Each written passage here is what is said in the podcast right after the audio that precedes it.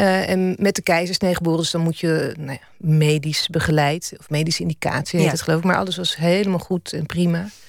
En we waren in de kinderboerderij. En ik had al de hele dag een beetje het gevoel van... het is niet lekker, ik weet het niet. Een beetje raar, gek, zwaar gevoel. Hmm. En daar werd ik heel chagrijnig van. En toen zei uh, mijn vriend Edwin, die zei... nou, dan bel je ze, want je bent er net geweest. En ik weet nog dat ik het heel lief vond. Ze vonden dat ik langs mocht komen. Ik dacht, nou, ze stellen zwangere vrouwen echt gerust. Vind ik echt ja. tof.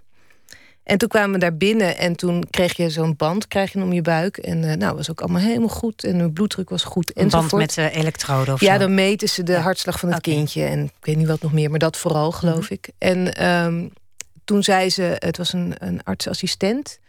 Uh, ik doe nog even een inwendig onderzoek. En nou, dat was ook echt het. Ze keek en het was meteen een soort van verschrikt hoofd. Ik ga er even iemand bij halen.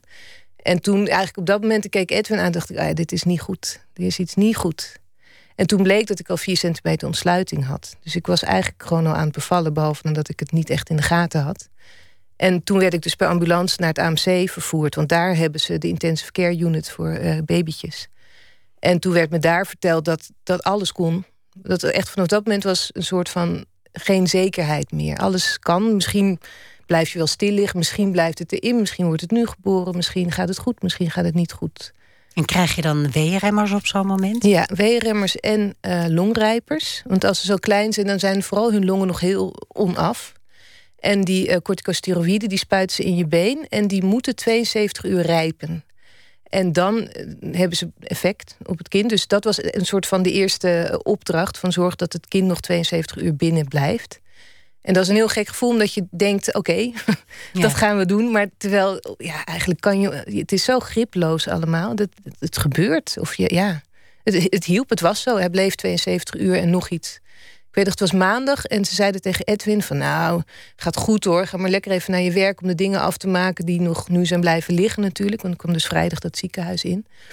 En hij was op de A2 en toen moest ik hem al bellen van nou, kom maar weer terug. Want uh, het gaat helemaal niet goed. En uh, toen om poeh, ik weet niet meer precies de tijden. Maar in ieder geval was hij die middag, was Milo er al. En die is met een keizersnee ook uh, Ja, en hij lag stuit. En hij lag, nou, het was echt een soort van enorm snelle... Het was al allemaal, ging al heel snel, maar dat ging helemaal heel snel. Wanneer zag jij hem voor het eerst? Nou, ja, um, de rugprik werkte niet. Ik weet dat het heel hard in mijn buik knepen. en uh, dus werd ik op het laatste moment onder narcose gebracht. Dus dat is een beetje wazig. Ik weet dat ik in die verkoeverkamer lag en bijkwam... en uh, uh, twee dingen dacht. Eén, volgens mij hebben ze het goed gedaan, die operatie. En twee, met Milo gaat het goed komen. Dat is een heel sterk gevoel. En daarna weet ik het eigenlijk niet meer helemaal goed. Ik weet dat het lang duurde, dat ze moesten hem beademen. Hij was natuurlijk helemaal, hij lag echt met zo'n zo'n staaf hè, in zijn mhm. longen dan. Dat duurde ja lang, alles duurde lang. Dus ik denk dat ik hem s'nachts zag, om twaalf uur of zoiets. Het was iets van midden in de nacht. Beschrijf wat je zag. Um, jeetje. Um, nou ja, wat zag ik? Het, was, het, hij had zijn ogen nog niet open. Dus het was heel, heel erg niet, of wel niet een mensje, heel klein, echt onvoorstelbaar klein. Uh, onder de draadjes. Um, hij had toen nog de beademing, dus waarschijnlijk heb ik toen wel zich gezien, maar dat kan ik me niet goed herinneren, want vrij kort daarna is 24 uur beademd. Dat doen ze zo kort mogelijk. Uh, had hij CPAP. En dat is een, uh, een soort masker. Je ziet het in Amerikaanse films wel. Ze doen er dan zuurstof in, maar dat masker zit met een soort skimuts op het hoofd van zo'n kleintje. En het bedekt gewoon zijn hele gezicht. Dus je ziet één oogje en verder eigenlijk niks. Handjes. En verder uh, ja, heeft hij een soort dekentje om. En zit hij onder de plakkertjes. Dus dat herinner ik me beter, want dat was gewoon het beeld van de tijd daarna. En de draadjes waar je het net over hebt, dat zijn, dat zijn elektrische snoertjes waaraan die aan de monitoren vastzitten. Ja, en infusen. Ze heeft nog steeds littekens op zijn voetjes en zijn handen. En ja, ze prikken overal in. Het is natuurlijk allemaal heel dun. Dus die aderen houden het ook niet zo goed lang vol. Dus het moet ook vaak uh, vervangen of naar een andere hand. Dus ja, er zitten overal zitten draadjes en uh, stickers in. 27 centimeter, een schoenmaat 42, zei je net. Hè? Ja. Dat is zo groot als een, als een kleine herenvoet. Ja. Uh, mocht je hem vastpakken? Ja, ja dat, dat willen ze graag. Dat je kan geroet met ze. En dat is het idee is dat het huid-op-huid contact... Hè, dat, dat schijnt ook goed te werken voor, voor die kleintjes... maar toch ook zeker voor de ouders. En ja, dat is heel gek natuurlijk, want je, je zit al sowieso in een intensive care. Er zijn overal piepjes gaande en dan zit je met ontbloot bovenlijf achter een gordijntje. En dan kan je dat kind in eerste instantie sowieso niet helemaal zelf uit zo'n ingewikkelde couveuse halen. En dan ligt het daar ook nog eens. Ja, hij ging ook de hele tijd scheef liggen en zo. Het is heel een eng gevoel. Het wappert een beetje. Hij had een beetje wapperende handjes. Want zijn hersenstam, ik weet niet of ik het helemaal goed zeg, maar die is volgens mij nog niet af. Dus die, die, die uh, controle van zijn lichaam is er nog helemaal niet. Nou ja, en daar zat je dan elke dag uh, twee uur of zoveel mogelijk. In het begin ging het nog niet zo makkelijk door die keizersnee, maar hoe meer, hoe beter. En dan af en toe viel ze hard weg, want dat doen ze, hè, dippen. Uh, incidentjes heet het dan. En dan, dan, dan gaan er allemaal alarmen af. En dan komt er een verpleegkundige en die wrijft hem dan over zijn ruggetje. En dan gaat het weer omhoog. En op een gegeven moment heb je dat in de gaten. Je wordt steeds volleerder, dus dan ga je het zelf doen. En dan, uh... Hoe kijk je naar, naar een kind waarvan je nog niet durft te geloven dat, dat het jouw kind gaat worden? Hoe kijk je ernaar? Ja, vol verbazing, vol verbijstering wel nieuwsgierig ook. Ik weet nog dat hij ergens in het begin had dus één zo'n oog. En dat dat oog me aankeek. En dat ik dacht, ja, dit is, het is wel mijn kindje, dit. Oké, dus er was wel gelijk een soort herkenning. Maar dat was niet gelijk. Dat was denk ik een paar dagen later. Dat, het, ja, nee, het was, nee, in eerste instantie hadden we vooral heel veel vergelijkingen. Dus we noemden hem cavia en nou ja, de pasgeboren poesje. Uh, Edwin had over kipfilet. Want als ze net worden geboren, dan worden ze in plastic uh, ja, gestopt. In feite, in een plastic zak omdat ze zelf hun warmte niet kunnen vasthouden. Dus hij had helemaal. Maar dat heb ik natuurlijk niet meegemaakt. Dus ik, we waren vooral heel erg bezig met, die, ja, met andere benamingen. En ze kraken. Ze hebben een soort geluid. En mhm. nou, vandaar de cavia. Dus we waren nog heel lang aan het vormgeven. Ja, dus het was er nog geen mens. Het was nog geen mens. Nee, pas toen. Maar dat, dat, wilde je misschien ook niet. Want dat was natuurlijk ook wel heel breekbaar om te denken dat zo'n klein wezen een mens kan zijn. Ja, ik denk dat je niet heel erg nog. Of ik kan me niet herinneren dat ik in dat soort dingen denk, omdat je zo in het moment zit. Omdat alles zo per uur of per eh, dag maximaal wordt aangeboden ook. Dus het reflecteren op en het uh, bedenken wat er nou allemaal aan de hand is, dat is bijna niet te doen. Het is vooral heel erg onderweg zijn. Laat me, laat me vertellen hoe, hoe, hoe zo'n afdeling uh, neonatologie in, in een ziekenhuis intensive care eruit ziet? Wat, wat treffen we daar aan? Wat is dat voor een wereld? Ehm, nou, een wereld. Je komt, er zijn verschillende units. Er, is niet, er staan een stuk of tien kinderen, zijn er volgens mij. zeg ik uit mijn hoofd. Je komt binnen en er staan allemaal couveuses. Gewoon een hele ruimte vol couveuses. Met in het midden een uh, soort zenuwcentrum waar de verpleegkundigen zitten. Achter al die monitoren. Dus die zien alles wat ook boven alle bedjes hangt. En boven alle beetjes hangen ook allemaal lampen. Dus die gaan rood als het dus wat mis is. Die worden blauw als er iets met adem is. Of ze, ze knipperen gewoon een beetje random. Omdat ze dat nou helemaal doen, denk ik. En dan, nou ja, dan heb je al die couveuse en daar hangen allemaal doekjes overheen. Want het is ook privacy, maar ook gewoon omdat het fijner is voor die kinderen om, om weinig licht te hebben. En het is er altijd 24 graden. En er is gewoon een soort, soort orkest van, van piepjes gaande. Die ken je op een gegeven moment ook allemaal. Continu allerlei alarmen die afgaan. Ja, ja, nou de alarmen niet eens zozeer. Maar er zijn ook apparaten die van zichzelf gewoon een piepje hebben. Of die du doen omdat ze, geen idee, omdat ze dat leuk vinden. Omdat ze een pomp zijn. Of omdat ze, ja, er zijn zoveel apparaten, dus er is een voortdurend geluid. En die verpleegkundigen die lopen daar echt als een soort, nou, hoe zeg je dat? Een soort balletdansers tussendoor. En vooral als ze met hun handen in de couveuse gaan, dat gaat echt heel soepel en heel ehm, wat ik ook opvallend vond, zeker later in vergelijking met andere afdelingen, uh, hun improviserend vermogen is heel groot. Dus ze zijn voortdurend aan het zoeken. En dat merk je ook in de gesprekken. Zijn voortdurend aan het kijken hoe ze het beter kunnen doen. Of, of, of nou ja, die kindjes zijn natuurlijk allemaal zo klein, dus ze hebben allemaal. Ja, nou ja, dan zit iets net niet goed. Of dan, Milo had bijvoorbeeld een oortje wat dubbel was geklapt. Dat heeft dan een paar keer niet goed gezeten door die skimuts. En dan zit het, blijft het ook zo zitten. Nou ja, dan proberen ze dan iets op te verzinnen. En dan, ja, zo zijn heel tijd aan het oplossen. Ja. Voelde je je veilig uh, bij, bij, bij die mensen die heel tijd de ja. aan het oplossen waren? Ja, ik, ik was echt bijna verliefd op ze volgens mij. Je bent zo afhankelijk. ja. Nee, je krijgt ook, dat deden ze ook heel goed, je krijgt een eerste verantwoordelijke verpleegkundige, een EVV'er krijg je. En die houdt ook alles echt bij. Dus die geeft je ook een verslagje. Die spreek je één keer per week. En de kinderarts spreek je ook veel. En dat, dat doen ze echt heel goed. Ja. Ja.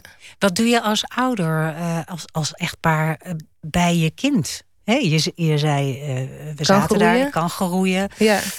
Um, ja, maar verder. Ja, je, bent, je bent best wel bezig. Want nou, ik, ik kolfde heel veel. Want moedermelk is dan heel goed voor zo'n kleintje. En je schijnt ook speciale melk aan te maken. Die dan... En zelf kunnen ze nog niet drinken, want dat is veel te vermoeiend. Ja, allemaal zonde, zonde voeding.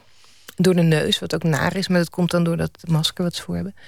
Um, en dat, ze maken moedermelkspuitjes. Of dat maak je zelf. Eigenlijk dat mhm. leer je heel snel. Dus, en dan ga je naar de, de afdeling en dan ben je bezig met die melk in hele kleine spuitjes te doen. En die doe je dan op een soort groot oorwattenstaafje. En die stop je dan in zijn mond. En dan sabbelt die er een beetje op. En uh, wat doe je nog meer? De verzorging noemen ze dat. En eh, echt luiertjes, kleiner dan poppenluiertjes, vervang je dan.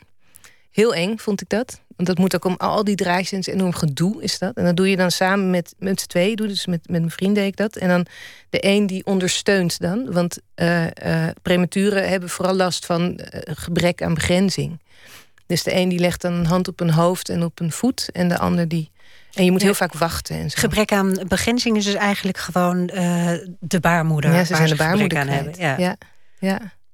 Ja, en, en, en het is ook, je, je moest het allemaal heel langzaam doen. Want dat, je bent ook op een gegeven moment word je helemaal getraind op die monitor. Dus je, ziet, je bent het aan het kijken van is, heeft hij nog genoeg zuurstof? En dan zie je hem, net als je het luiertje lostrekt, dan gaat hij omlaag. En je wordt het, na al vrij snel, een week of twee, voel je echt wel een expert op het gebied van uh, ja. bliepjes. Je, uh, ik stel me het ook heel erg voor als een soort stolp hè, die, die intensive care afdeling voor, voor prematuren. Een stolp waarin uh, de tijd stilstaat. Jij schrijft in je boek: Dit wachten is extreem beheerst exploderen. Ja. Hè, al die emoties en al, al dat leven, maar alles soort gestold in de tijd. Ja, klopt. Ja. Ik kon me ook voorstellen dat ik er zou gaan wonen had op een gegeven moment een soort fantasie. Ik heb dat ook gevraagd. Van wat nou als je een kindje hebt... wat om wat voor reden dan ook geen ouders heeft. Wat gebeurt er dan met dat kan groeien? En het, het schijnt, en het was niet vaak gebeurd... maar er zijn dus vrijwilligsters die kangeroevrouw zijn. Mm Vond ik echt een geweldig idee. En die, zitten, die komen dan dus met zo'n ontheemd kindje kangeroeien... om toch die menselijke band op te bouwen. En ik had echt een soort fantasie van... ik ga gewoon nooit meer terug naar de gewone wereld. Ik doe het gewoon niet. Ik blijf gewoon hier. Ik zet mijn teentje op...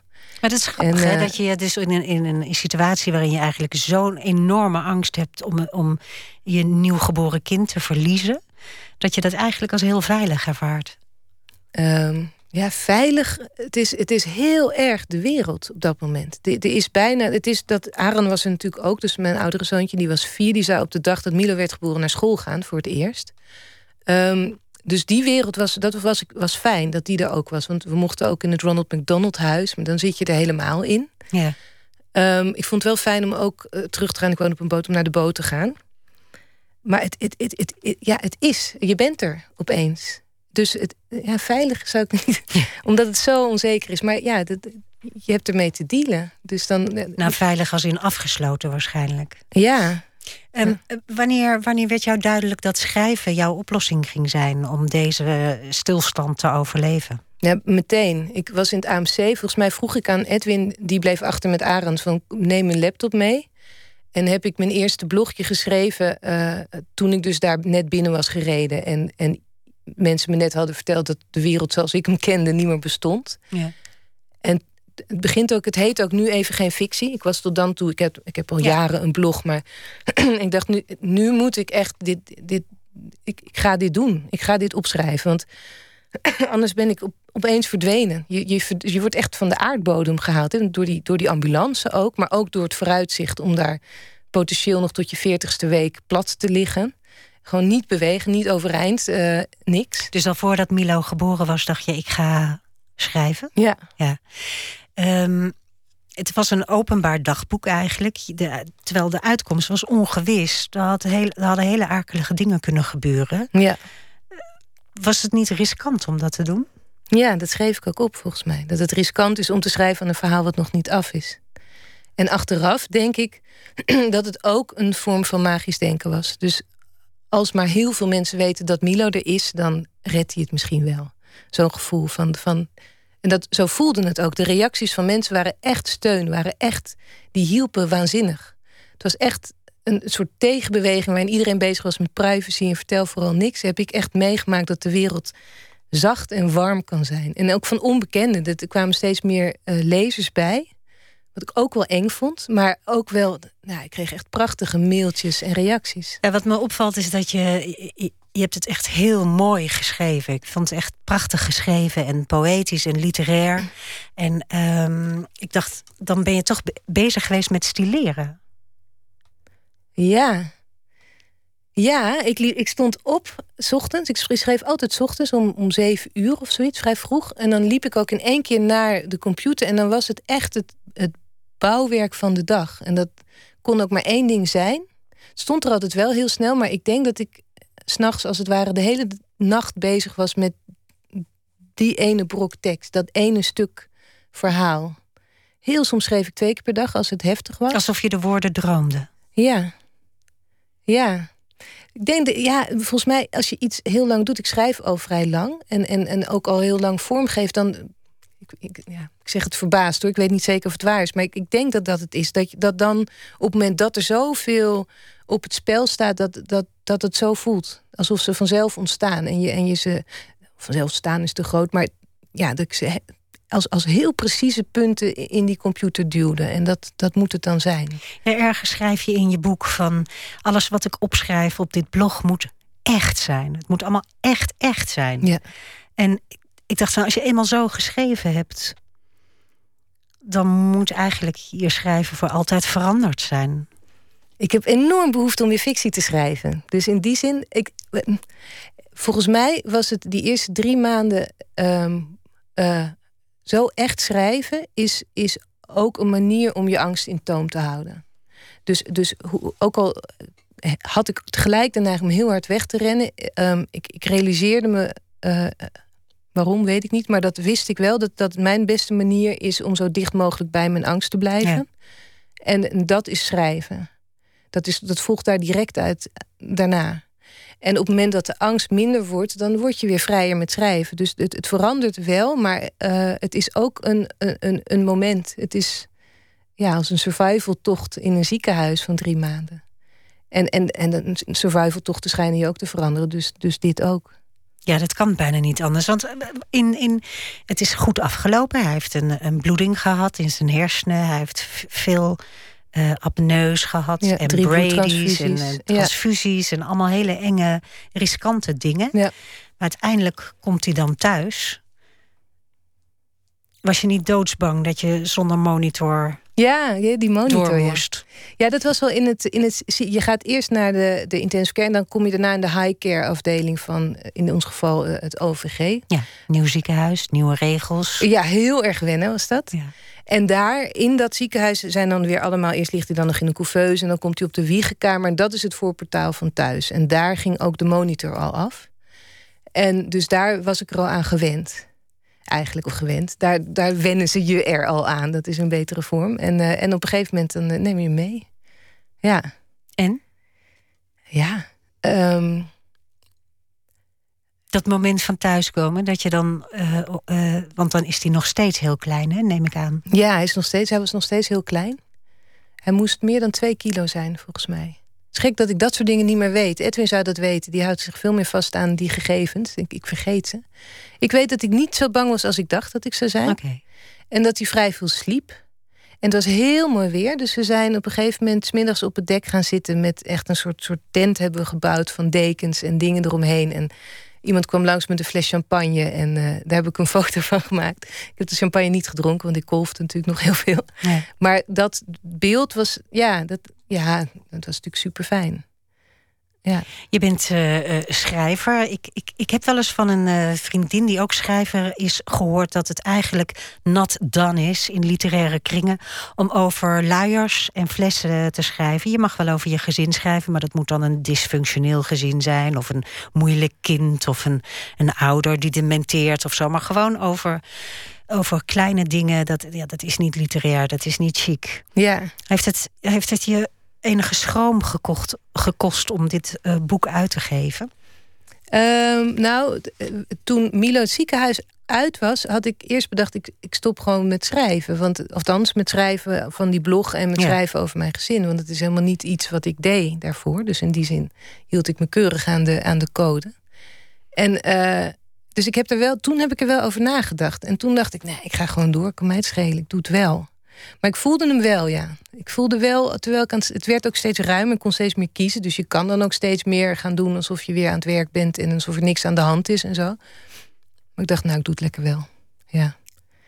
Ik weet het nog niet. Ik, ik, ik kan me voorstellen dat er een recensent komt die zegt: Ja, toch jammer dat. Uh... Ja, want dat is zo erg. Hè? Je hebt dus, van die luiers. Je bent door een enorme uh, crisis gegaan met je gezin, eigenlijk, met zo'n situatie. Die eigenlijk hoopvol uh, begin had moeten betekenen. En die heeft angst en angst voor verlies en al die dingen heeft het, die kleur heeft het gekregen. Nou, daar ben je doorheen gegaan, heb je prachtig opgeschreven en nu ligt het op de tafel van een recensent en die kan zeggen: ja, ik hoop dat hij zegt, het is vast niet echt gebeurd. ik geloof er niks van, dat kan niet. In hoeverre heeft het jou veranderd, deze ervaring? Dat weet ik nog niet, denk ik. Nou ja, wat weet ik al. Uh, hij is nu, Milo is nu tien maanden, ruim. Dus dat is eigenlijk nog niet eens zo heel oud. Nee. Um, hij mag nog heel veel niet. Het eerste jaar niet naar de crash. En hij staat nog heel veel onder controle tot de eerste vijf jaar trouwens. Um, dus ja, kijk, daar, dat is het gekke. De, de, de, de grens tussen gewoon hoe verandert een tweede kindje leven, die, die is heel dun. Ik heb me ook heel lang afgevraagd, wanneer, wanneer gaat een prematuur over in een baby? Want ja, ik had, zou wel willen dat ze een bordje neerzetten en zeggen: ja. nou, vanaf hier gaat alles gewoon net zoals bij andere kinderen. Maar die heb ik nog niet gezien, dat bordje. Dus dat, dat weet ik nog niet eigenlijk. Het grappige is, sinds jij hier binnen bent gekomen, hè, je kwam uh, een uur geleden. Uh, en ik leg een stapel zakdoekjes neer omdat ik een snotneus heb. Maar jij zegt, zijn die voor mij als ik ga huilen? Was je bang dat je zou gaan huilen tijdens dit gesprek? Mm, um, dit gesprek niet, maar wel de hele tijd ja. Want in, in, in gesproken woorden vind ik het veel moeilijker. Om uh, de, het verdriet of de schrik zit op hele rare plekken. Dus, en in taal kan je dan, in geschreven taal kan ik daar wel mee omgaan. Maar in gesproken taal weet ik het nog niet altijd. Dus ik heb nu in deze periode vaak gehad dat ik uh, iets aan het vertellen was aan iemand en opeens begon te huilen omdat ik me iets realiseerde. Uh, van bijvoorbeeld al die andere baby's of zo. Oh shit, die waren er ook allemaal. Die zijn er niet alleen nu, maar gewoon overal. En alleen maar een soort besef van, van, als, van uitzoomen. Wat me dan opeens heel erg raakte. Dus dat, uh, ja, dat, dat op zich had ik dat wel als angst. Nu, nu niet specifiek. Maar bijvoorbeeld uh, woensdag was de boekpresentatie. En ja, toen moest ik dus wat zeggen. Of dat wilde ik natuurlijk ook mhm. wel graag. En toen begon ik dus wel met huilen. Dat is dan wel... En dat kan bijna niet anders. Want dat is dan zo... En dat, gelukkig kon ik daarna weer praten. Dus het viel mee. En daar was ik het bangste voor. Dat je echt als een soort snotterend wezen daar uh, probeert iets feestelijks uit te brengen. Maar eh, ja, dat is wel, ja. Het is heel lastig dat ik ben gewend. Als, er zit niks tussenin. Normaal schrijf je iets en dan kan je daarna vertellen over ja, nee, dat is een personage en zus en zo. Ik heb er niets mee nee, te maken. Ja, normaal gaat het om gedachten en om, uh, om dingen die, die je bedenkt en ja. die je vorm geeft. En dit heb je wel vorm gegeven, maar het is, het is het leven zelf. Ja, ja. Ja, ja. Ja, precies. het is het leven zelf. En leef je heel erg uit naar die eerste verjaardag? Want dat is toch een mijlpaal? Ik heb me wel voorgenomen om dit jaar alles te vieren wat er is aan verjaardag. Want dat hebben we vorig jaar allemaal niet gedaan. En Milo heeft ook nooit een geboortekaartje gehad. Want we wisten gewoon niet wanneer die dan zou moeten. Ja. We kregen ook echt heel vertraagd uh, nog cadeautjes voor hem binnen. Nog maanden later. Omdat mensen dan zo, ja, we hebben maar even gewacht. Zeiden ze dan. Oh, vond je dat niet irritant? Alsof zij er niet in geloofde? Oh, nou, ik snapte het wel eigenlijk. Ja, vond jij dat irritant? ja, ik zou dat uh, in jouw plaats denk ik wel. Ik zou hebben, van het begin af aan hebben gedacht van geloof in die baby. Ja. Hij blijft. Oh ja. Ja, dat zou je moeten doen, hè? ja. ja, dat is ook heel moeilijk. Ik uh, vond het een prachtig boek. Uh, vooral prachtig geschreven, deze ervaring. En uh, volgens mij zijn er niet zo heel veel boeken voor ouders van couveuse kinderen. En zeker niet heel goed geschreven boeken daarover. Dus het is een aanwinst. Dankjewel. Dankjewel, Joey Smits. Wij gaan er even uit voor het nieuws van 1 uur. Zijn dan nog een uur bij u terug. Onder andere met Erik Jan Harmens, de schrijver. Hij gaat zo direct een verhaal voorlezen over het nieuws van vandaag dat hem eh, inspireerde. Tot zo.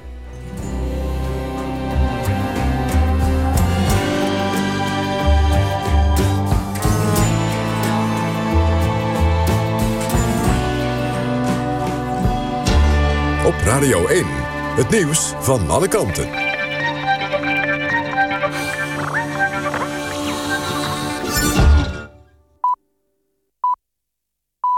Het is 1 uur, Patrick Holtkamp met het NOS-journaal. In het zuidoosten van Guinea heeft een woedende menigte... een medisch centrum van Artsen zonder Grenzen aangevallen. Dat meldt het Britse persbureau Reuters. De aanvallers zijn er bang voor dat de hulporganisatie... het ebola-virus verder verspreidt. Een woordvoerder van Artsen zonder Grenzen zegt dat alle medewerkers zijn geëvacueerd... en het centrum in de plaats Macenta is gesloten. Volgens de hulporganisatie wordt druk overlegd met de plaatselijke autoriteiten... hoe het centrum zo snel mogelijk weer open kan...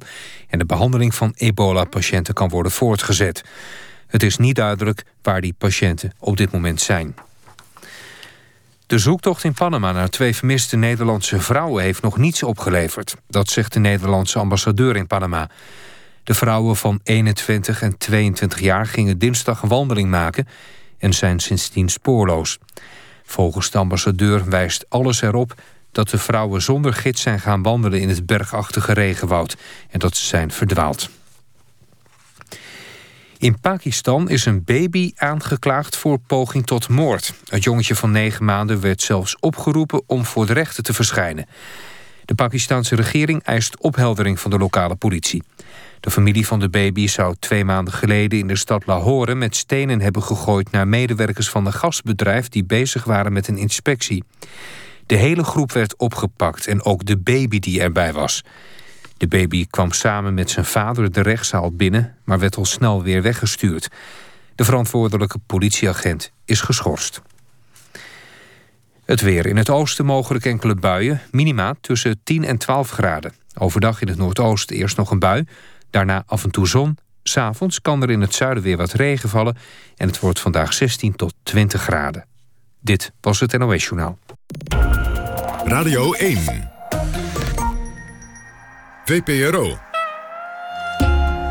Nooit meer slapen.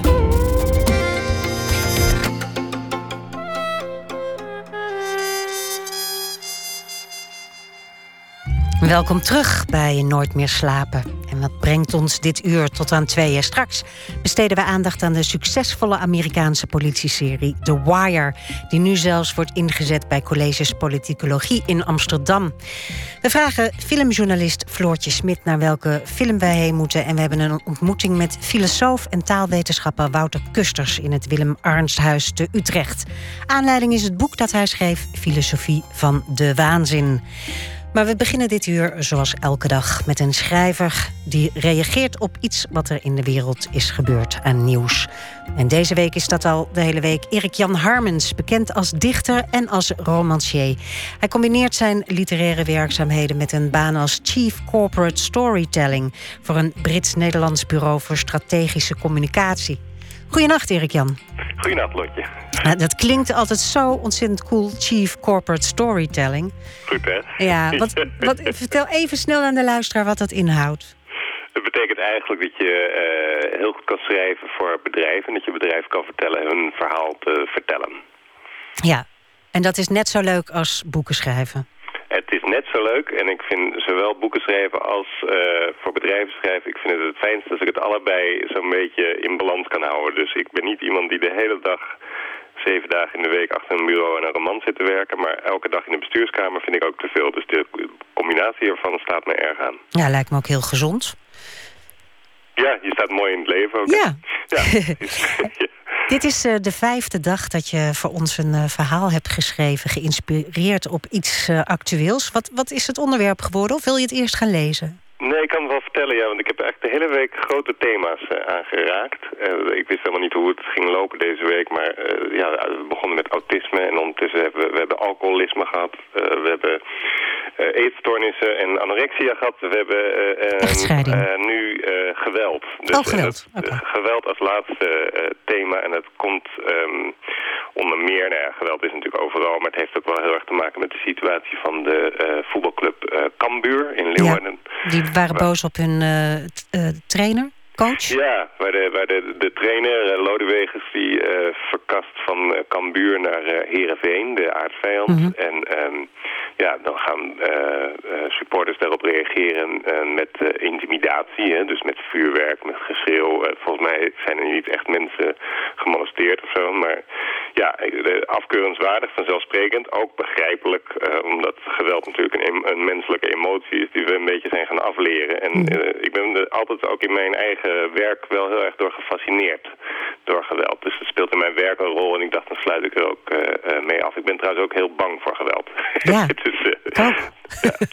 Ga lezen, want ik ben benieuwd. Je voelt het aankomen. De lucht wordt dikker. Blikken worden schichtig. Men neemt posities in. De zwakkeren staan al een beetje richting de uitgang. Mannen zoals ik denken eigenlijk nergens aan. Het heeft geen zin om me nu aan te spreken. Het zal zijn alsof je onder water je mond open doet. Ik ben kalm, ik ben klaar. Wat op mijn pad komt, gaat verdwijnen. Als ik jou was, zou ik weggaan. Naar je lelijke huis, met je lelijke wijf. Iemand begint tegen me te praten. Hij zegt dat ik een beetje rustig moet doen. Hij zegt dat we allemaal even diep moeten ademhalen. Hij zegt dat de schuld altijd in het midden ligt. Ik voel iets op mijn schouder neerkomen. Het is zijn hand, die weer de hoogte ingaat en dan opnieuw op mij landt. Ik wacht niet langer, hou meteen uit, waarna de neus van de vredestichter er onnatuurlijk bij hangt. Hm. Het is vaste prik dat hij met zijn hand voelt op de plek van de inslag, dan kijkt naar wat kleeft aan zijn vingers en vervolgens mij een beetje gaat zitten aankijken. Iedereen doet dat. Zoals mensen ook naar de telefoon kijken als hij gaat. Ik help hem overeind en druk mijn handpalmen tegen zijn oren. Als kleine, smalle, uitschuifbare ladders reiken mijn linker en rechtervingers tot aan het achterhoofd waar ze elkaar raken. Dan zet ik ineens kracht, zodat zijn voorhoofd met een vaart richting het mijne beweegt, terwijl ik op hetzelfde moment met het mijne naar voren kop.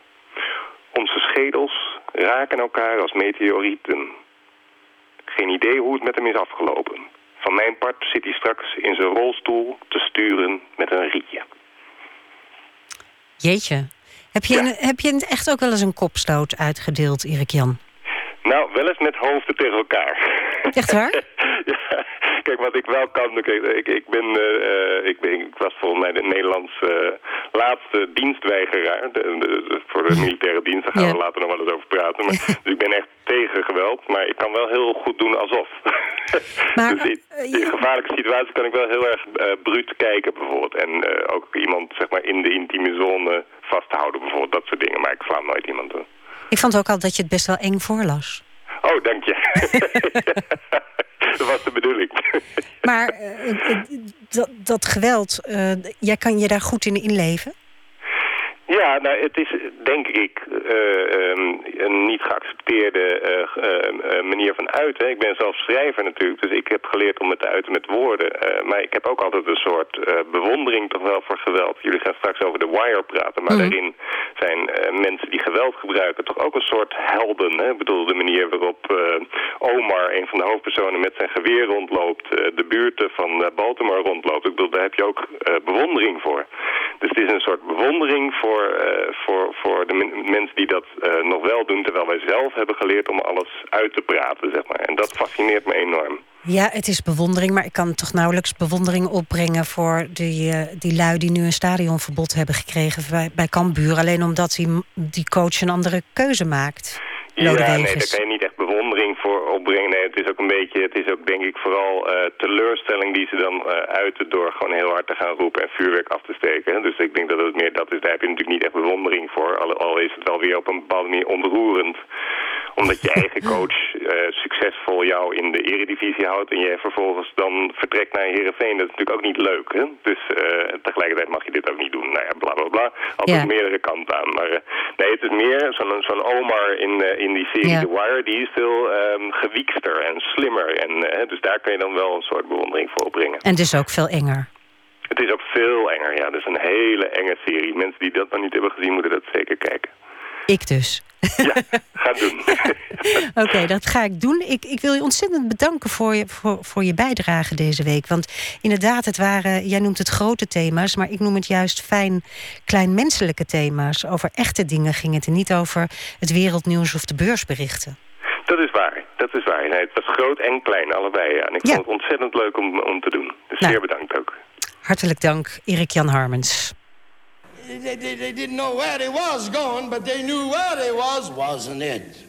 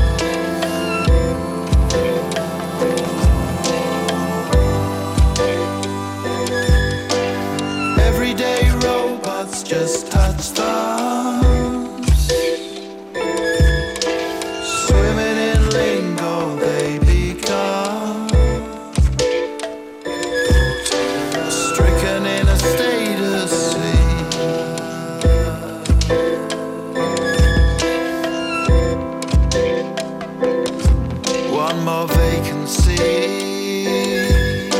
for every day.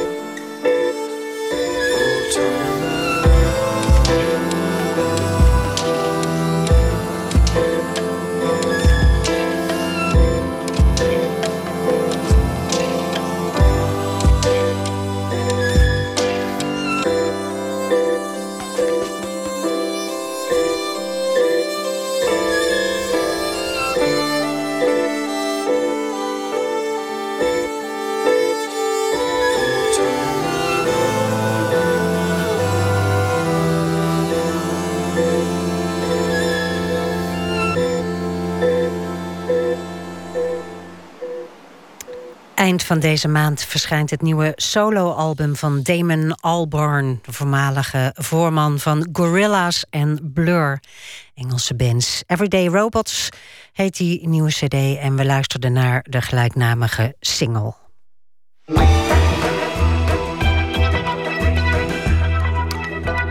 Dit is Nooit meer slapen van de VPRO.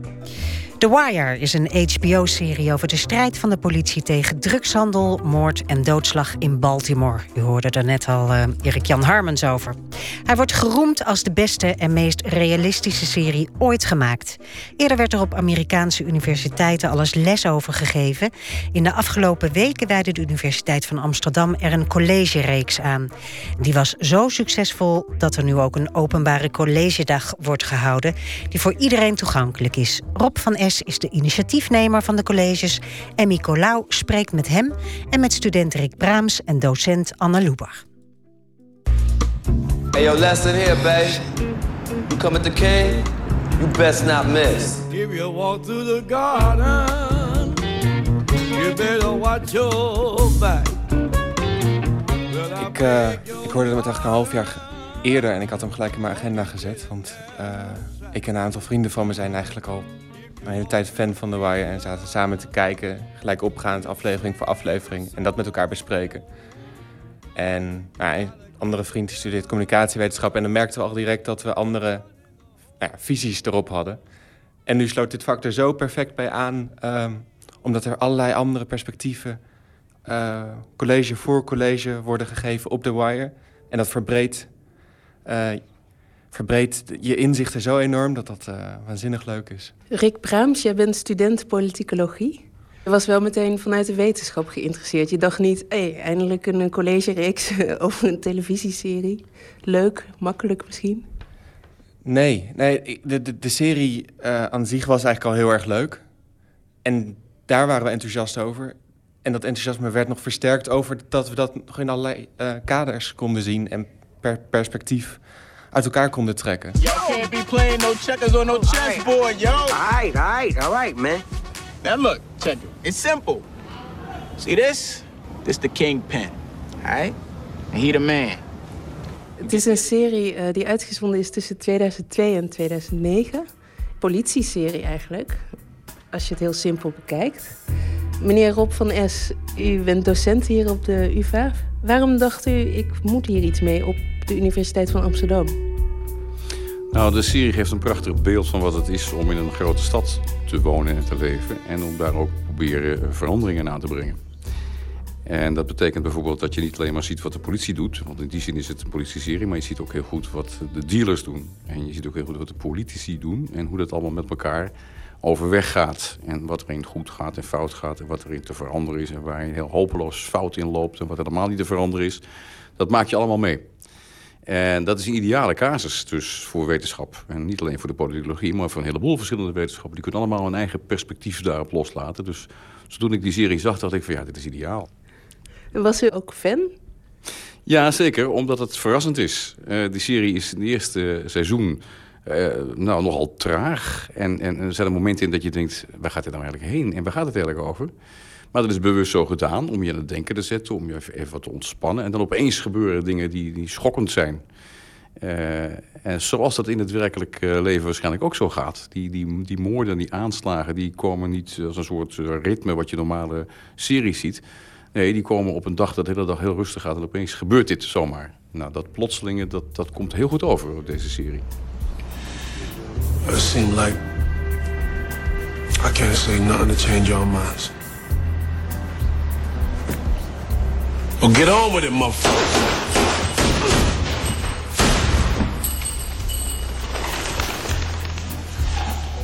Nee, ik moet eerlijk zeggen, bij mij kwam het uh, uh, met enige vertraging. Ik hoorde ervan vanwege uh, deze collegereeks. En toen ben ik gaan kijken en toen had ik inderdaad de ervaring Rob net schetst, dat in het begin denk je, wat wil ik hier nou mee? Waarom, waarom kijk ik hier naar? Anne Loeber, ook docent hier bij politicologie. Boeiend is, wat in mijn ogen boeiend is... en waarom ik ook interessant uh, vond om hierbij betrokken te zijn... is dat, in tegenstelling tot de meeste ja, politie-series... Um, er geen duidelijk verhaal in zit van goed en kwaad. Je volgt heel veel personen in de loop van vijf seizoenen. Er zijn 60 afleveringen. Hoofdpersonen zijn toch misschien wel een uh, mannelijke en een vrouwelijke politieagent.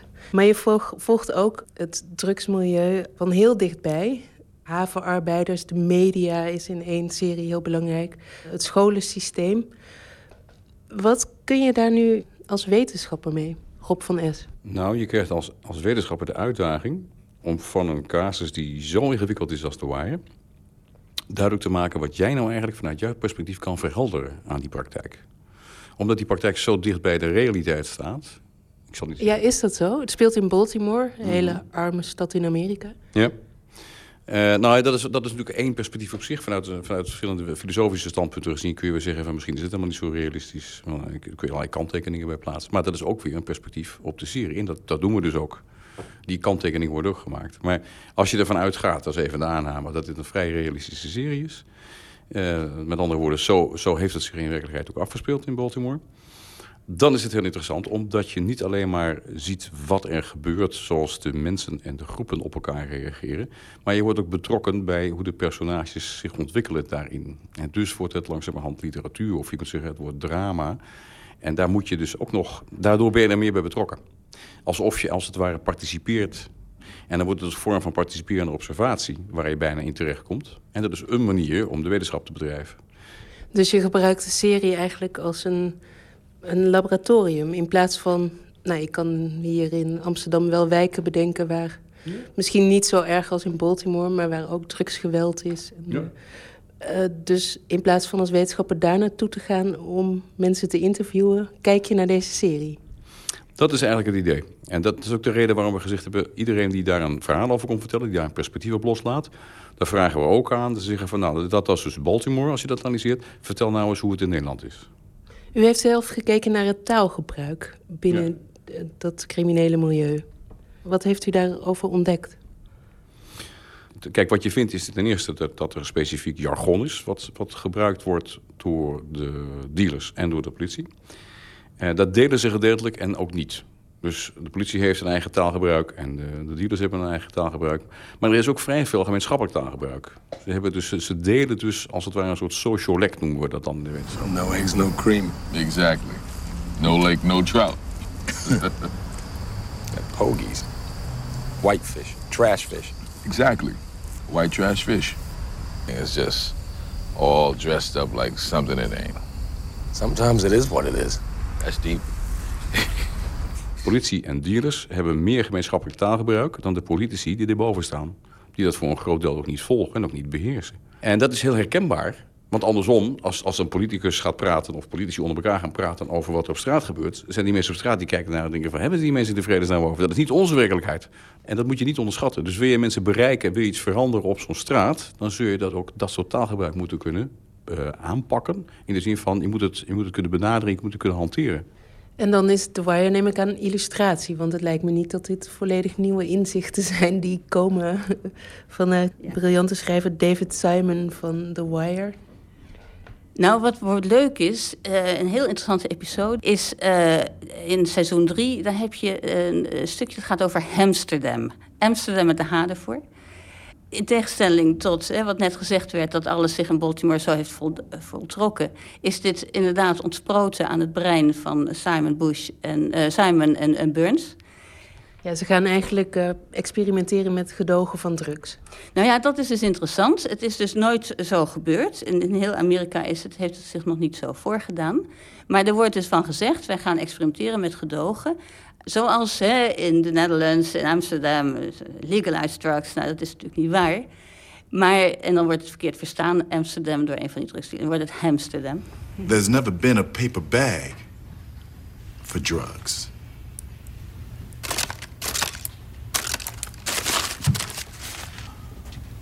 Until now. Wat je ziet gebeuren is als het ware een, een sociologisch experiment uh, uitgespeeld, uitgewerkt in de praktijk van de dramatische ontwikkelingen. Toch nog even over uh, de realiteit, want dit is fictie. En als wetenschapper moet je daar natuurlijk altijd mee uitkijken. Nou ja, het is fictie. Het is, je zou kunnen zeggen, het is, een, het is documentaire en het is gedramatiseerd. Alle twee tegelijk. En dat maakt het lastig, want uh, de wetenschappers willen natuurlijk graag documentaires. dan kun je zeggen, ja, dit, zijn, dit zijn de feiten. En zelfs documentaire eh, weet ik dan toevallig, is ook niet altijd uh, de werkelijkheid. Nee, precies. De documentaire zit, daar zit altijd een, fic een fictiedeel aan. Dat, dat kan haast niet anders. Al was het alleen maar de bewerking die de, de documentaire maker uh, toepast. En hier zie je dus dat dat deel fictie groter is dan bij de normale doorsnee documentaire. Uh, dat, is, op zich waar. Aan de andere kant, doordat het gedramatiseerd is, krijg je ook beter inzicht wat de psychologie van de betrokkenen uh, precies voorstelt. Wat, wat voor processen zij doormaken. En waarom ze doen wat ze doen en waarom ze laten wat ze laten. Dat zul je normaal gesproken in documentaires veel minder goed te zien krijgen. Want dan volg je meer het verhaal. Wat is er gebeurd? Wat zijn de feiten? Nu maak je ook mee, hoe voelt het nou aan om in zo'n positie te zijn? Maar het blijft een uh, weergave van David Simon de schrijver, die ook heel lang uh, journalist is geweest en over dit soort zaken heeft gerapporteerd. Mm -hmm. Maar het blijft zijn interpretatie van de werkelijkheid daar. Weet u dan uit eigen onderzoek dat het klopt? Dus heeft u in Nederland onderzoek gedaan naar, die, naar het taalgebruik bij bijvoorbeeld politie? Nee, dat heb ik niet gedaan, maar er zijn anderen die het wel gedaan hebben. Uh, dus ook uh, de, de, de vraag, uh, klopt dit nou het beeld wat in de serie gegeven wordt met de situatie in Baltimore? Dat valt vrij goed aan te geven, omdat er sociaal wetenschappelijk onderzoek gedaan is naar de situatie in Baltimore. Dus een hoop dingen worden geschraagd, dat klopt, zo ging het inderdaad. Nou, soortgelijk werk zou je dus ook in, in Amsterdam kunnen doen. Maar dat is nou juist de vraag die we hebben voorgelegd aan al onze gastsprekers. Van wat is dan de situatie in Amsterdam? Klopt dit nu? Nou, het kan ook in Rotterdam zijn, dat maakt op zich niet uit. Misschien in Rotterdam meer linken, omdat het ook een, duidelijke havenstad is. In Amsterdam wat minder zwaar. Uh, maar klopt dit nu? En is het dan anders? En op welke gebieden is het dan anders? Nou, dat levert het totaalplaatje van al die colleges levert op. Dat op een aantal punten komt het overeen. Op een aantal andere punten is het totaal verschillend. Uh, en dat is heel leerzaam, want dat stimuleert je weer om te zeggen... Van, waar ligt dat dan aan? Is het nou alleen maar een cultuurverschil tussen de Amerikaanse cultuur en de Nederlandse cultuur? Speelt er nog meer mee? Zitten er routines in? Zijn er economische verschillen? Ja, zijn er financiële verschillen? Zeker. Er, nou, zo kun je een hele inventaris maken van wat overeenkomsten verschillen zijn tussen die twee landen. You know what the trouble is, Brucey? We used to make shit in this country, build shit. Now we just put our hand in the next guy's pocket. Rick Braams, wat heb jij er dan uitgehaald uit die college-reeks? Nou, er waren dus een heel aantal perspectieven die ons aangeboden werden. Eentje was van uh, Dan Hessler Forrester en hij is een filmwetenschapper. En hij kijkt, uh, hij vergeleek het met, met uh, Victoriaanse romannen, wat dan de, de, overeenkomst was. En hij vergeleek het met The Wire met een soort van Griekse tragedie, waar individuen in die tragedies uh, is een soort van noodlot altijd op de hoofdpersoon. En dat is hier eigenlijk ook, want individuen hebben het niet allemaal zelf in de hand. Alleen zijn de grote nieuwe instituties de, de oude goden. Dus dat verband legde die heel erg. Maar wat helpt het dan, die vergelijking met zo'n Victoriaanse roman of Griekse tragedie? Wat, wat helpt dat jou dan uiteindelijk? Nou, het, het, het, het is een soort van focus uh, om, om, voor, voor, voor, bijvoorbeeld voor docenten om hun, om hun punt duidelijk te maken. En andersom is het door die punten duidelijk te krijgen, snap je die serie beter. En als je die vergelijking legt met de werkelijkheid, snap je stukjes van de werkelijkheid steeds beter. En is het dan ook simpelweg gewoon um, dat het de misschien soms wat droge theoretische stof die de politicologie ongetwijfeld ook heeft, dat het dat beter begrijpelijk maakt? Je voelt als het ware de machtsstructuren. Je voelt uh, uh, nou ja, de, de, de sociale werkelijkheid waar kinderen niet uitkomen, maar waar volwassenen niet uitkomen. Wat ze voor concessies moeten doen. Uh, je, krijgt een veel nou ja, doorleefder idee van een soort van theorie. Mm, wat dat voor mij erg inzichtelijk heeft gemaakt... is dat ook mensen die, laten zeggen... de meest vreselijke dingen doen... toch een groot gevoel voor eer en rechtvaardigheid hebben.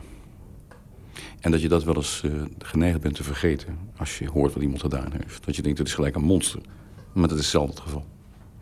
Ja, die menselijke kant. Dat, ja. En is dat iets wat in de wetenschap ook wel eens vergeten wordt? Als je kijkt naar, naar, naar theorieën over, wat iemand, over hoe iemand zich moreel gedraagt... of wat nou goed gedrag is of rechtvaardigheid is... hebben we wel eens de neiging om, om wat simplificaties te maken. En hier krijg je zo'n mooi palet aan grijstinten...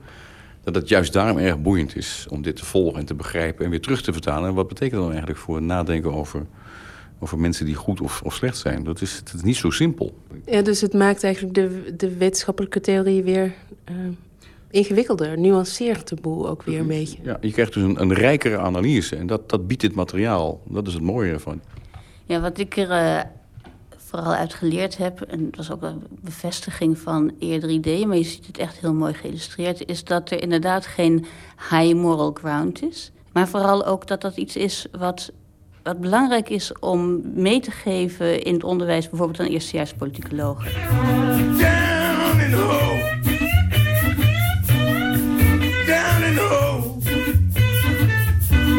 help me keep the devil.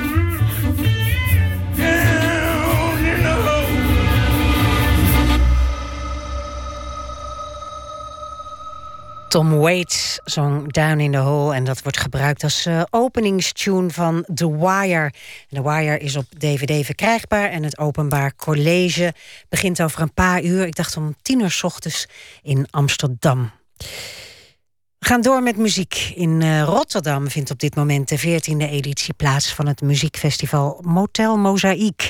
In Nooit meer slapen draaiden we deze week elke dag de muziek van een van de optredende artiesten daar. En vandaag doen we dat met uh, de Britse singer-songwriter George Ezra. Hij is pas 19 jaar. Hij staat nu al aan de voet van een sprankelende muzikale carrière. Hij was nog uh, getipt als biggest talent door de BBC. En waarom, dat hoort u in het volgende nummer Buddha Budapest.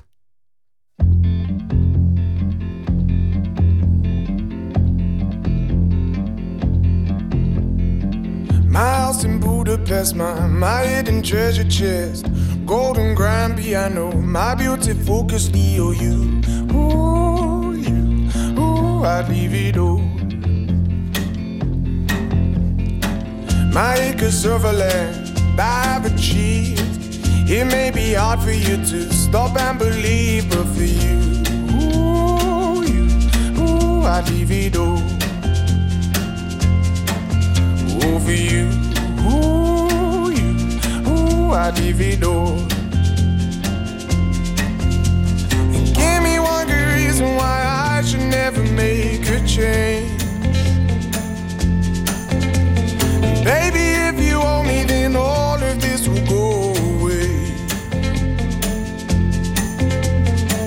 My many artifacts, the list goes on. If you just say the words, I, I'll up and run onto you. Ooh, you, ooh, I divido. Over you, ooh, ooh, I divido. Give me one good reason why I should never make a change. Baby, if you owe me, then all of this will go away. Give me one good reason why I should never make a change.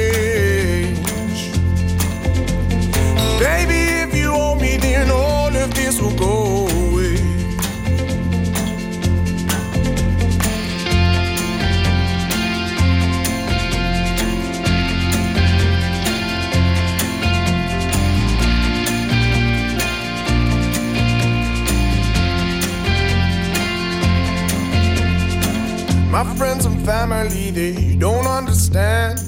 They fear they'll lose so much if you take my hand, but for you, ooh, you, ooh, I'd lose it all. Ooh, for you, ooh, you, ooh, I'd lose it all. Give me one good reason why I should never make a change.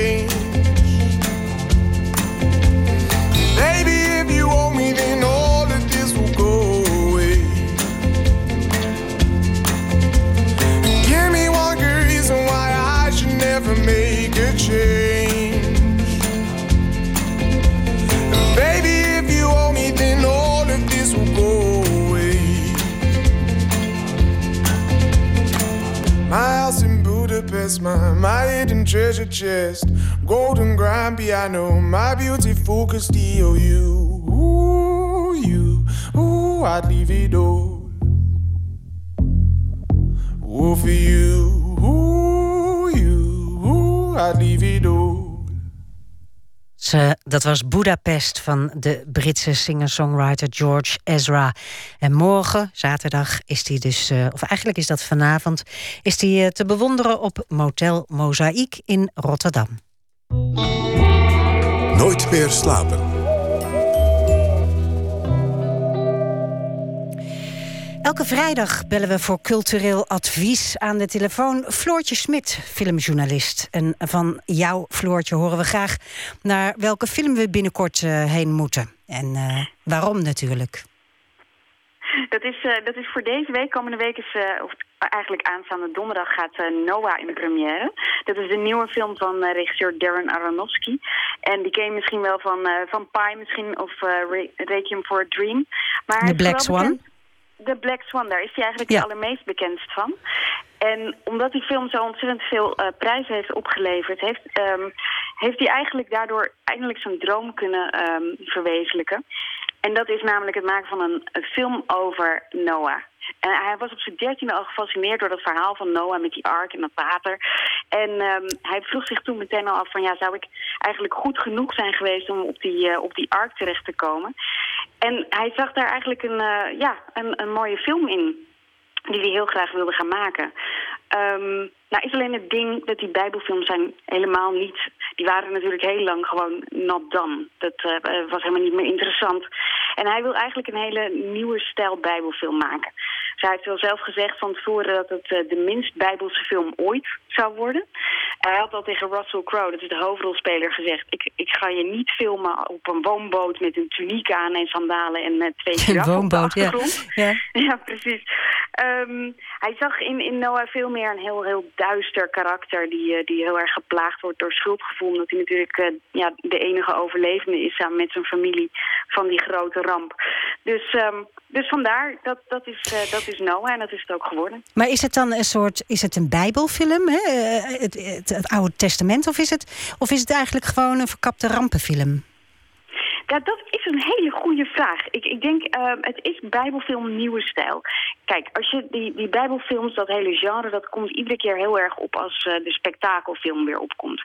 En die spektakelfilm die komt eigenlijk altijd op als, um, als er... Um, als mensen weer naar de bioscoop gelokt moeten worden. Hè? Als er veel concurrentie is van televisie bijvoorbeeld. Dus je zag het in uh, de jaren 50 dat dat hele epos weer opkwam. Want je kan er lekker mee uitpakken. Ja. En je ziet dat dat nu ook heel erg in, in Hollywood op dit moment is, is ervaringscinema eigenlijk de, ja, een hot ticket van tegenwoordig. Gravity bijvoorbeeld. Dat is een film die je alleen kan ervaren in een bioscoop. En ik denk eigenlijk dat, dat het daar inderdaad in, het, uh, in dat rijtje moet je hem... Uh, um, ja, daar wordt op gemixt. Het is eigenlijk niet alleen in de film, in de bioscoop. Of uh, niet, uh, niet, alleen in de bioscoop. In, in het museum moet je tegenwoordig ook ervaren. Overal moet je ervaren. Ja, ervaren. Ja, want anders komen mensen de deur niet meer uit. Ik denk dat dat een beetje de gok is uh, die, ze, die ze nemen. Je ziet bijvoorbeeld ook dat er staat nog een, een hele bekende uh, regisseur... gaat zich wagen aan een bijbelfilm, Exodus. Dat is Ridley Scott. Nou, dat is een man ja, van, van de bombast, zeg maar. Dus het, het worden dat soort films, dat worden de nieuwe, de nieuwe bijbelfilms. En um, hij, deze film bijvoorbeeld heeft er ook een aantal fantasy-elementen in gedaan. Uh, er, er, zijn dan gevallen engelen die hem helpen bij het bouwen met de ark. Ja, mijn, mijn bijbelkennis is, is een beetje roestig, maar die kan ik me niet herinneren. Reuzen met zes armen die hebben geholpen. Um, dus ja, ja je, begrijpt ook al wel dat het toch in christelijke kringen een beetje... Maar wie, ga, wie gaat er nou naartoe, uh, naar die bijbelverfilming? Zijn dat de, de, de, de gelovigen, de christenen? Of, of is dat zijn het mensen die gewoon een rampenfilm... en oké, okay, nou ja, het gaat over Noah, wat maakt het uit? Nou, ik denk eerlijk gezegd, het, het, ik denk vooral de tweede groep. Maar het probleem is, die eerste groep, die willen ze niet van zich vervreemden. Mm -hmm. Dus je hebt um, wel mensen die zeker met, met die, met die uh, special effects en zo, die komen er wel op af. Kijk, en het voordeel is wel, dat, dat verhaal van Noah is natuurlijk een bekend verhaal. Dus je hoeft daar geen marketing meer omheen te doen. Iedereen die weet, oh, we gaan een ark zien. Oh, we gaan al die dieren zien. Oh, we gaan water zien. Dat wordt te gek, we gaan daarheen. Ja. Um, dan heb je alleen dus inderdaad nog die groep gelovigen... die, die ontzettend geschrokken waren op het moment dat, uh, dat uh, Aronofsky zei... van ja, dit wordt eigenlijk de minst bijbelse bijbelfilm ooit. Um, en dat, daar, ging het, daar ging het eigenlijk al een beetje mis met Noah... voordat überhaupt iemand ooit nog een shot had gezien. Um, en je, je, moet je wel realiseren, hè, dit is een, een bijbelfilm van 130 miljoen dollar... die daarin gepompt is. Dus die studio heeft die, die christelijke achterban, zeker die Amerikaanse, hebben ze echt nodig. Ja, keihard. Ja, dus ze hebben ook allemaal testscreenings laten zien. En um, dat bleek dan ook allemaal wel toch weer niet zo goed te vallen. Um, um, er zit bijvoorbeeld een scène in waarin uh, in Noah dronken wordt. Nou, het staat letterlijk in de Bijbel dat hij dronken wordt. Alleen dat is niet een ding waar um, de kerk uh, lang bij stilstaat tijdens de preken. Want dat is natuurlijk niet zo heel erg fijn. Dus daar werden mensen, mensen zeiden van ja, het is een, een alcoholicus die je, die je terugziet. Het is een man die uh, vooral over de natuur... Uh, het redden van de natuur gaat het eigenlijk over. En het gaat eigenlijk helemaal niet over die zin en, en de boetedoening. Uh, Nee, die ze eigenlijk terug wilde zien. Ook daar meer het spektakel dan, dan, dan ja. uh, naar, de wetter, naar de letter van de Bijbel. Precies, precies. Dus nu zijn ze, ze zijn bij ontzettend bezig geweest om die achterban weer een beetje terug te winnen. Um, ze hebben bijvoorbeeld, um, um, Russell Crowe heeft bijvoorbeeld uh, getwitterd naar de paus. Om te vragen of de paus alsjeblieft zijn film wilde zien. Dat, dat hij dat heel leuk zou vinden. Daar heeft de paus verder niet op gereageerd. Maar ze hadden wel ook een ontmoeting geregeld met de, met de paus. En het is echt dan de bedoeling dat weet je, Russell Crowe en de regisseur naast de paus staan... zodat hij een soort pauselijke goedkeuring geeft. Ja, foto, opportunity en dan... Ja. Precies, want dan weet je gewoon dat iedereen toch wel komt. Dat is een beetje mislukt. Hij heeft wel het hoofd van de Anglikaanse kerk. Uh, die heeft gezegd dat het een hele interessante en uh, prikkelende film was. Hm. Dus um, nou ja, goed, daar, daar uh, hebben ze toch een soort, kunnen ze toch gebruik van maken in die campagne. Even laatste vraag aan jou, Floor. Waarom moeten we er toch naartoe? Ja, je wil hem nu toch zien? je, bent nu toch, je bent nu toch benieuwd?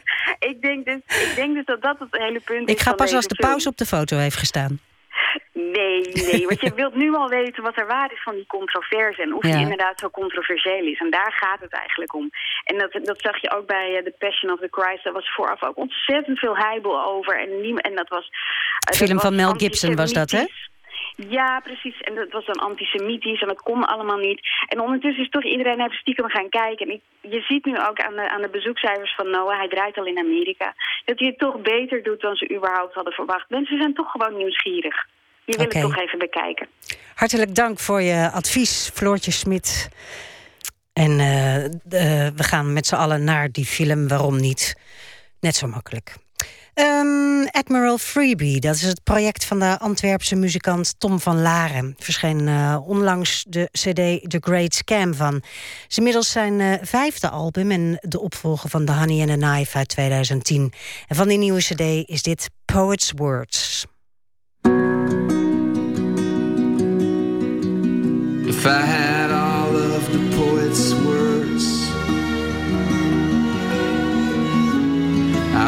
give them all to her. Cold as it feels, I can tell that the wind knows my fate so well. And if equal love can be, let the more loving one be me. Suddenly the world is old and gray, and the lessons of life can be learned in a day. It's the absence of her amazing grace that makes me stare out of windows these days. Now it's hard for me to take a I still love that girl to death. I just left my true love behind. I just left my masterpiece unsigned. And suddenly the town is old and gray, and the lessons of love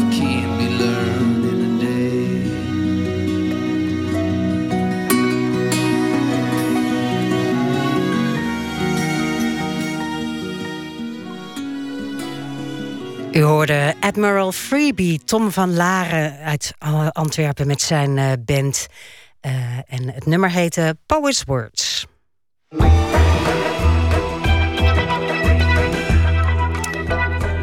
Dit is Nooit meer slapen van de VPRO. De schrijver, filosoof en taalwetenschapper Wouter Kusters is meer dan eens psychotisch geweest. Vanuit die ervaring heeft hij jarenlang filosofisch onderzoek gedaan naar wat het betekent om gek te zijn.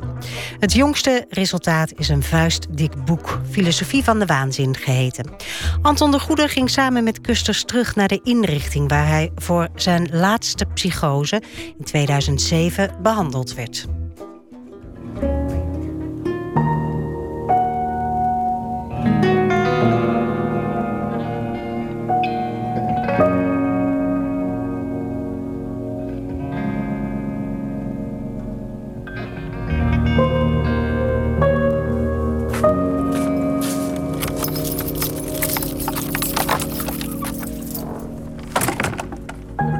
Even spreken en na afloop bel ik u? Ja, want ik ben op ronde en dan doe ik straks de deur weer dicht. En dan bellen we de beveiliging? Ja, ja daar ben ik. Ja. Goed, oké. Dank u. Het is maandag, 12 uur overdag. Prachtig lenteweer in het Willem Arntshuis in de tuinen van... We zitten op eh, twee tuinstoelen vlakbij een krop. Wat is het, Wouter? Ik zou het niet weten. Het ziet er sla-achtig uit. Uh, ja, en achter ons is ook een uh, ruimte om plantjes te telen. Allemaal verschillende gewassen hier. Hè? Dit is ook, uh, deze tuin wordt door patiënten verzorgd en bijgehouden. Dit, het lijkt een tuin, maar eigenlijk is het arbeidstherapie. En er zitten nu wat mensen te keuvelen aan tafel en verpleegsters. Ja. Zo op het oog. In een prachtige omgeving.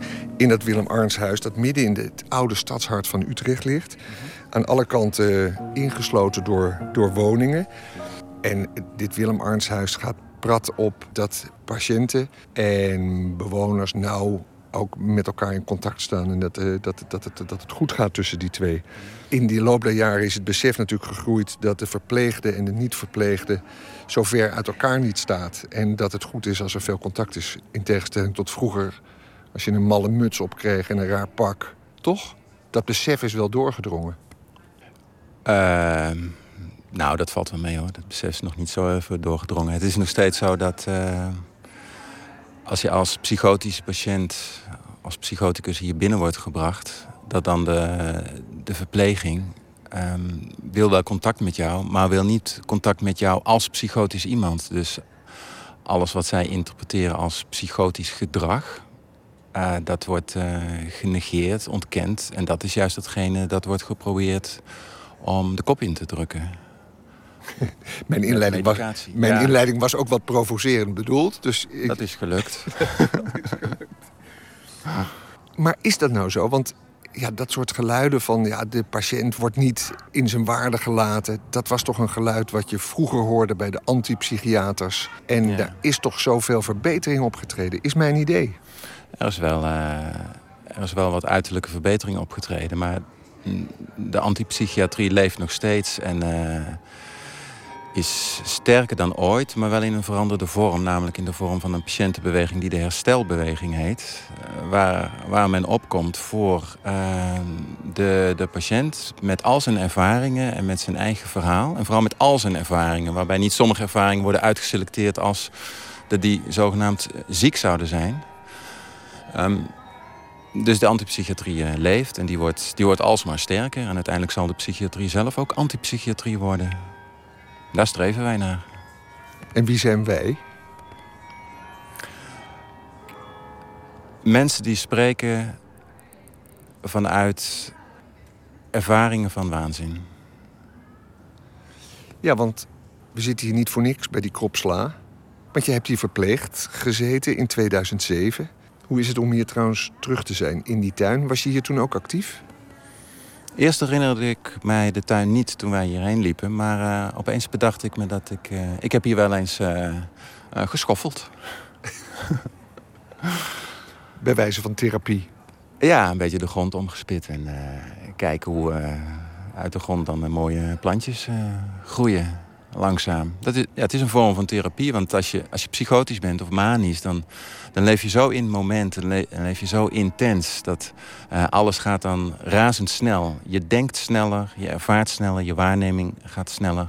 Um, als je je dan koppelt aan een bepaalde arbeid die te maken heeft met uh, de groei van de natuur, die een eigen ritme heeft, dan zou je eigen manische, je zou kunnen zeggen ontremming of opleving van het denken, zou dan weer kunnen worden ingevoegd uh, in het ritme van de natuur. Je bent eigenlijk in een psychose ben je uit het natuurlijke ritme geslagen.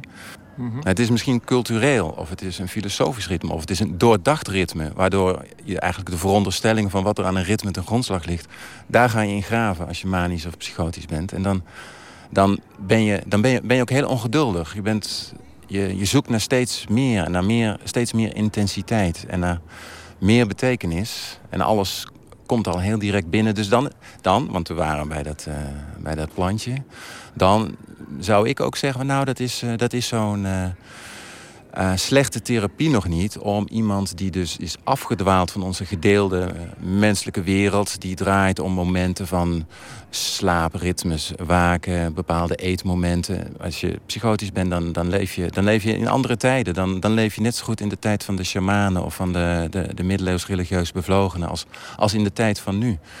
Um, om iemand weer terug te krijgen in onze gedeelde tijd um, is, het, is natuurlijk het contact met iets dat, dat vanuit zichzelf leeft en vanuit zichzelf groeit. Dus een, een groeiend plantje is, uh, dat is uh, best een aardig idee. Kijk, en hier horen we helemaal Wouter Kusters in topvorm. Want zo heb je eigenlijk ook je boek geschreven. Ja, zo ging maar door en door. maar het leuke is dat je eigenlijk begon met dat de psychiatrie het goed gezien heeft. Waar ze bedacht hebben dat hier een beetje schoffelen en met planten in de ja. weer zijn eigenlijk een heel goed idee is. Ja, dat is, dat is, daar is niks mis mee. Daar is niks mis mee. Dat vinden mensen ook fijn hoor. Dat vinden, ja. Als je, als je ja. psychotisch bent, dan, dan vind je dat ook fijn. En dat maakt ook duidelijk dat jouw beeld ook niet zwart-wit is. Nee, en dat nee, je alles nee, wat ik de ben niet psychiatrie... tegen psychiatrie. Precies. Antipsychiatrie is ook niet helemaal de juiste term. Dat is, tegenwoordig is dat een term die in de in brede kring, in de psychiatrie en in de omgeving, is dat per definitie iets wat helemaal fout is. Want jaren 70 en toen was zogenaamd alles mislukt. Maar in die antipsychiatrie, ik zou ook eerder zeggen, het is een neopsychiatrie. Um, in die antipsychiatrie, noem het toch maar, maar zo, uh, zaten heel veel impulsen en gedachten die heel erg belangrijk waren. En die, die, die belangrijk zijn geweest voor de emancipatie van psychiatrische patiënten. Maar heel, heel veel van die impulsen en gedachten die zijn in die tijd ook weer, weer verdwenen. Zoals al veel uit de jaren 60 en 70 is verdwenen in de jaren 80 en 90.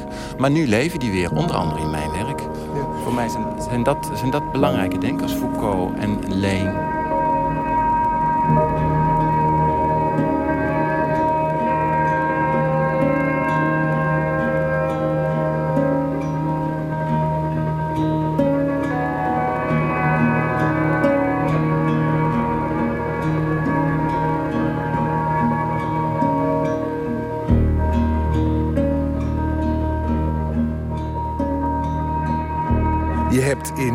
2004 het boek geschreven Pure Waanzin. Dat heeft Ja. toen veel lof opgeleverd. Ja. Waarin je terugging naar een psychose en wat er gebeurde. En daarin zette je verslagen van het ziekenhuispersoneel van de verpleging af tegen je eigen indrukken. In de hoop om zo een beeld van die psychose te geven. Toen al schreef je, ik wil me daarin verdiepen en ik, Ja, wil, precies. en, en ik wil ermee door. Ja. En nu dan, sinds deze week, ligt er de filosofie van de waanzin. Ja. Een letterlijk waanzinnig dik boek van, van meer dan 700 bladzijden. Ja. Waarin je op een heerlijke manier bent gaan associëren. En schrijvers en filosofen eh, naar boven hebt gehaald. Na pure waanzin. Ik had het boek geschreven en ik wilde nog veel meer weten van wat waanzin precies is. Dus ik wilde nog meer filosofie. Dus ik ging nog een keer filosofie studeren. Ik had al taalwetenschap gestudeerd, gepromoveerd enzovoorts. Maar ik dacht, ik ga het nu nog grondiger aanpakken. Ik, ga helemaal, ik duik helemaal in die grond, in dat, in dat moeras, in die filosofie. En ik dook er zo diep in, in die filosofie van de psychose... dat ik opnieuw in de waanzin terechtkwam in 2007. Ja. En wat daar, wat daar toen gebeurde in die waanzin... en dat was hier in het, in het Willem Arnshuis... Ja, dat was, dat was, eh, dat was heel, heel interessant, heel, heel spannend. Eh, De, de, heel, ja, natuurlijk ook heel, heel, heel veel eh, extreme angst en ook extreme extase. Ja, In- want dat is eigenlijk, eigenlijk zeg je, ook al in dat eerdere boek, er wordt te weinig gelet op ook de goede kant van de Ja. psychose. Er wordt te weinig gezien dat het Ja. ook een waanzinnige ervaring kan zijn in de gunstige zin van het woord. Die, die geneugten zelf van, eh, van de waanzin, die, eh, die, die wil ik ook laten zien. Want het is inderdaad, eh, het is hemel en hel tegelijkertijd. Ja, maar ben jij nou niet eigenlijk ook een soort atypisch voorbeeld van iemand die dat dan gehad heeft? Misschien is psychose wel een enorme verzamelnaam. Dat- en, dat- En, en, en drijft het heel veel mensen tot, tot, tot, tot suïcide, ik noem maar wat. En Mm. ben jij dan tot een gezegende minderheid Nou, bij wie het ook weer van tijd tot tijd overgaat en die nog eens een keer. Ja. Hè?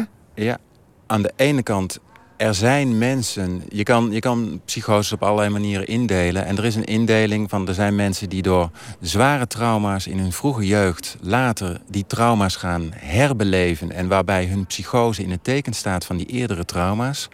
Ja, dan, dan komen die dingen uit die trauma's die lang zijn weggedrukt. Dan komen vooral de angsten en de achtervolging. Die treden dan op in de psychose. Ehm, maar er zijn ook heel veel mensen die op een andere manier in een psychose komen. En eh, dan zitten er al, allerlei veel meer eh mystiek-religieuze elementen in een psychose. En meer filosofische elementen in een psychose. En eh, elementen van verhoogde betekenistoekenning en van intensiteit van het ervaren zelf. Dus het zijn vaak, het is zowel positief en negatief. Mensen denken dat psychotici of waanzinnigen altijd in hun eigen wanen geloven. Maar dat is aanvankelijk niet. Als je er net in terecht komt, dan is er een soort openheid en een vloeiendheid. En die, die, die groots en meeslepend is. En daarbij komt ook nog dat.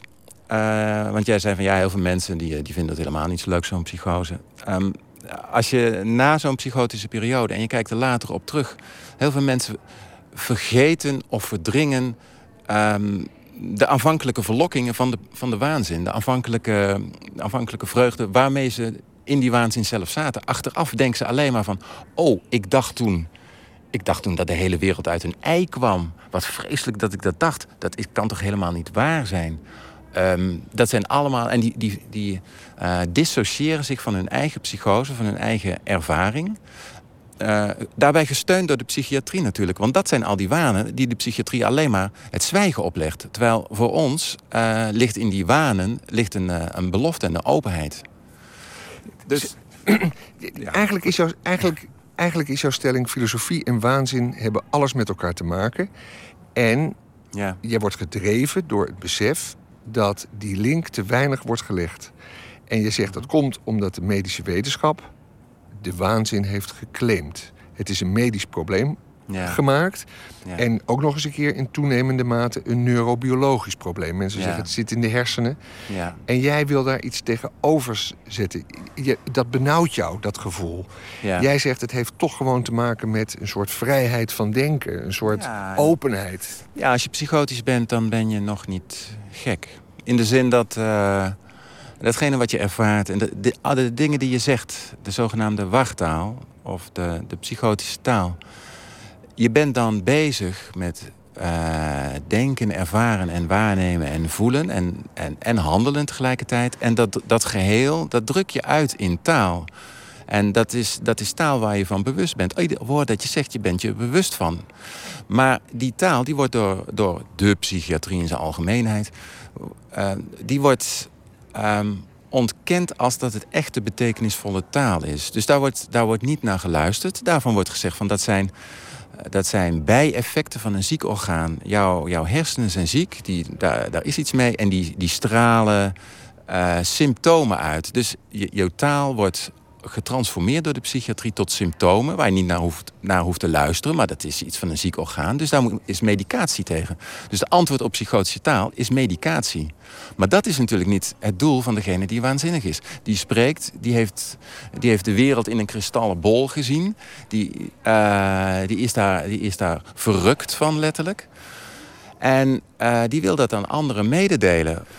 Terwijl het natuurlijk ook onderliggend is aan alle, alle grote cultuuruitingen, alle kunst, alle grote literatuur. Gaat daar allemaal ook over. En dat is natuurlijk het hele doel van mijn Gaat- boek, gaat- Filosofie van de Waanzin. Gaat waar over? alle grote literatuur en alle grote filosofie Uh, gaat waar over? Over de grote bestaansvragen. Over waarom zijn we hier? Waarom gaat de tijd vooruit? Waarom ligt de dood in ons verschiet en de geboorte achter ons? En wat is de strijd tussen goed en kwaad? Daar gaat mijn boek ook over. Stel nou dat jouw inzichten, jouw stelling nu... meer eh, eh, introductie zou vinden in bijvoorbeeld het Willem Arnshuis... en in hoe er hier om wordt... Gebeurt al hoor, gebeurt. Ja, gebeurt. Mondjesmaat. Mondjesmaat. Wat is dan het gevolg? Worden patiënten daar gelukkiger van? Worden de psychoses daar korter van? Vertel. Wat zou het resultaat zijn? Patiënten worden er in ieder geval gelukkiger van. Door datgene wat zij zeggen, waar zij mee bezig zijn, waar zij zich mee verbonden voelen, om je daarin te begeven als hulpverlener. Om, om contact te zoeken met de patiënt en contact met datgene wat de patiënt drijft. En datgene wat hem drijft, je kan zeggen dat is een psychose, maar het is tegelijkertijd een kracht en een energie en een, eh, een, verlangen naar oneindigheid. Het was Anton de Goede in gesprek met Wouter Kusters... en zijn boek Filosofie van de Waanzin is een uitgave van Lemniskaat. En uh, dit was het eigenlijk weer voor uh, Nooit meer slapen. Wij zijn er maandag meer, maar onze collega's van de VPRO nemen het uh, stokje over. Naast mij zit Frank Jochemsen. Wat gaan jullie doen? Ja, Lotje, tot zeven uur ben ik hier nog met Zwarte Schapen. We hebben een hele nacht een hele thema-uitzending met archiefmateriaal... over allerhande Zwarte Schapen. Theo van Gogh natuurlijk, Edwin de Roy van Zuiderwijn. Radio 1, het nieuws en van NSB, kopstukken. Vreselijk. Wordt een vreselijke nacht. Blijf luisteren.